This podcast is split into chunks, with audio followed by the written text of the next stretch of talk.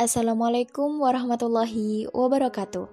Hai, ini podcast Pers Jurnalistik Man 2 Kota Kediri edisi 6. Aku Erin Humaida 10 MIPA 2. Gimana kabarnya? Ku yakin kalian baik-baik aja ya. Tentu masih nungguin podcast kami bukan? Ini podcast kami. Podcast cerita horor. Cerita ke satu tempat. Tempat yang katanya orang-orang tuh mistis. Oke, gue kasih gambaran dulu ya. Detailnya, dia tuh kayak semacam gang sempit. Lumayan becek. Jaraknya tuh kayak panjang. Ya panjang, emang panjang. Terus dia tuh gelap gulita, kayak habis cinta segitiga. Hmm, gak gitulah ya. Dikelilingin rimbun macam-macam bambu. Bambu hijau adalah, bambu kuning, bambu coklat, macam-macam tumbuhan liar. Tambah, dia tuh di tengah-tengah jalan ada batu besar mirip nisan. Besar, terus dia tuh kembar batunya berdampingan.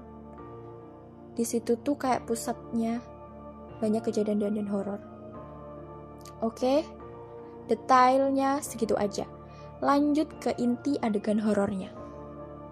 Gini guys, ini sebenarnya ada beberapa versi. Beda orang sih yang ngalamin. Cerita satu-satu ya. Orang pertama ini, dia jalan malam-malam. Bukan jalan kaki sih.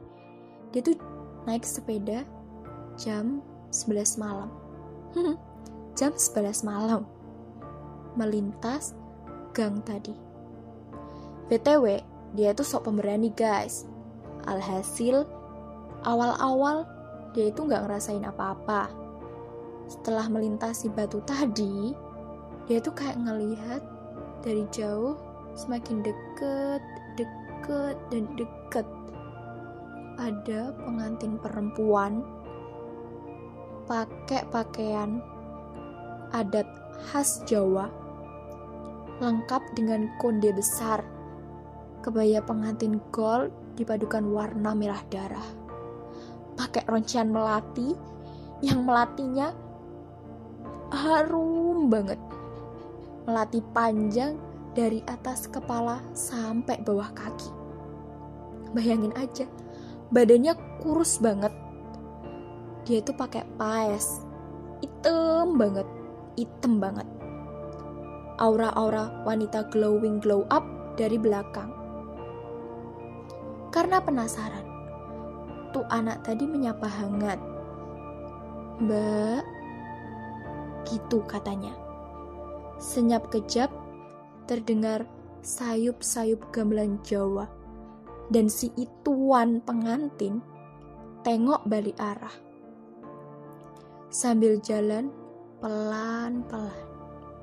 Pelan-pelan banget kayak orang mau temu manten. Dan tebak apa yang terjadi setelahnya. And wajahnya bener-bener glow up. Ya, glow up sampai nggak kelihatan apa-apa. Hmm, datar sedatar-datarnya, alias flat. Tapi guys, anehnya dia tuh punya mulut. Mulut yang kecil, imut gitu dia itu kelihatan kayak nyanyi. Tapi nyanyi-nyanyi gak jelas gitu guys. Ditambah gamelannya itu tambah gencer waktu ituan makin deket ke anak. Dan kalaplah anak tadi nangis pulang. Kabar-kabar seminggu dia nggak masuk sekolah setelah kejadian itu. Lanjut versi kisah kedua Oh ya, di ujung jalan tuh sebenarnya ada satu rumah. Sendirian rumahnya. Di tengah-tengah gang ada satu rumah. Bayangin.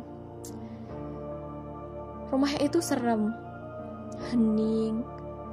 Parahnya, yang tinggal di rumah itu cuma satu orang.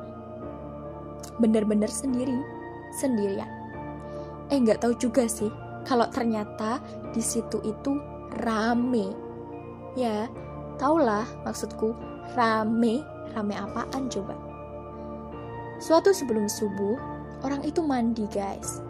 Kamar mandinya ada ventilasi kecil. Ya kayak kamar mandi pada umumnya. Di rumah kalian ada nggak sih ventilasi yang kecil, terus cuma beberapa senti gitu? Ventilasi kecil, mungil. Orang tadi sebut aja Vika. Udah ada firasat gak enak dari awal mandi. Kayak ada yang ngikutin gitu guys.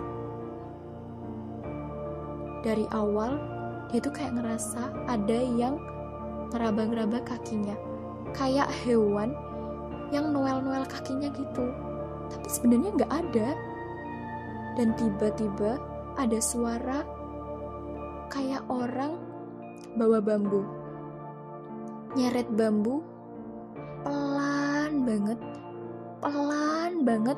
Yang lama kelamaan itu kayak semakin ngeri didengerin. Oke lah, waktu itu positif thinking ya, mungkin hewan, dan lanjut mandi. Tibalah saat ada sepasang mata besar, mata yang besar beda dari ukuran mata manusia. Yaitu matanya merah banget, menjorong ke depan, terus item-itemnya itu kayak ngefullin seluruh volume matanya. Karena kaget si Vika tadi auto keluar dan cuma pakai handuk. Keluar dan lihat siapa nih makhluk. Dan terkejut ada laki-laki gede banget berewokan. And okay sorry. Dan dia telanjang. Ya bener-bener telanjang. Nggak pakai apa-apa. Nggak pakai sehelai benang pun. Terus makhluk atau mungkin apaan itu dia lari ke arah batu nisan yang kembar tadi. Dan penasaran?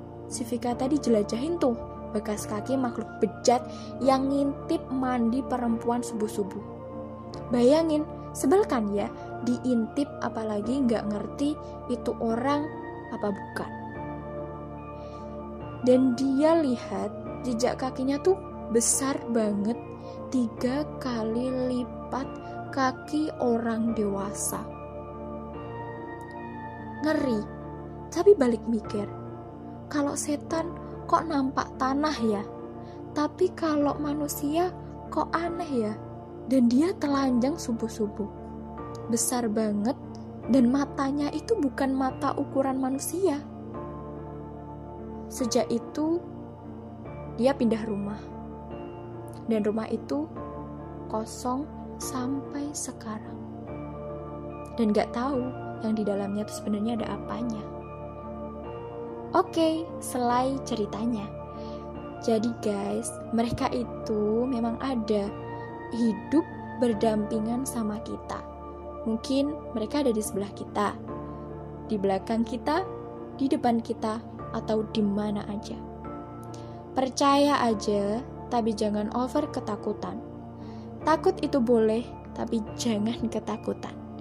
Iringi doa setiap langkah. Toh, jika kita ketemu, lumayan bisa tahu mereka. Jarang bisa dibuat cerita sama teman-teman waktu kumpul. Ya kan? Canda ya.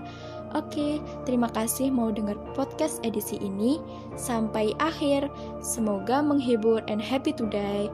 Sampai jumpa and wassalamualaikum warahmatullahi wabarakatuh.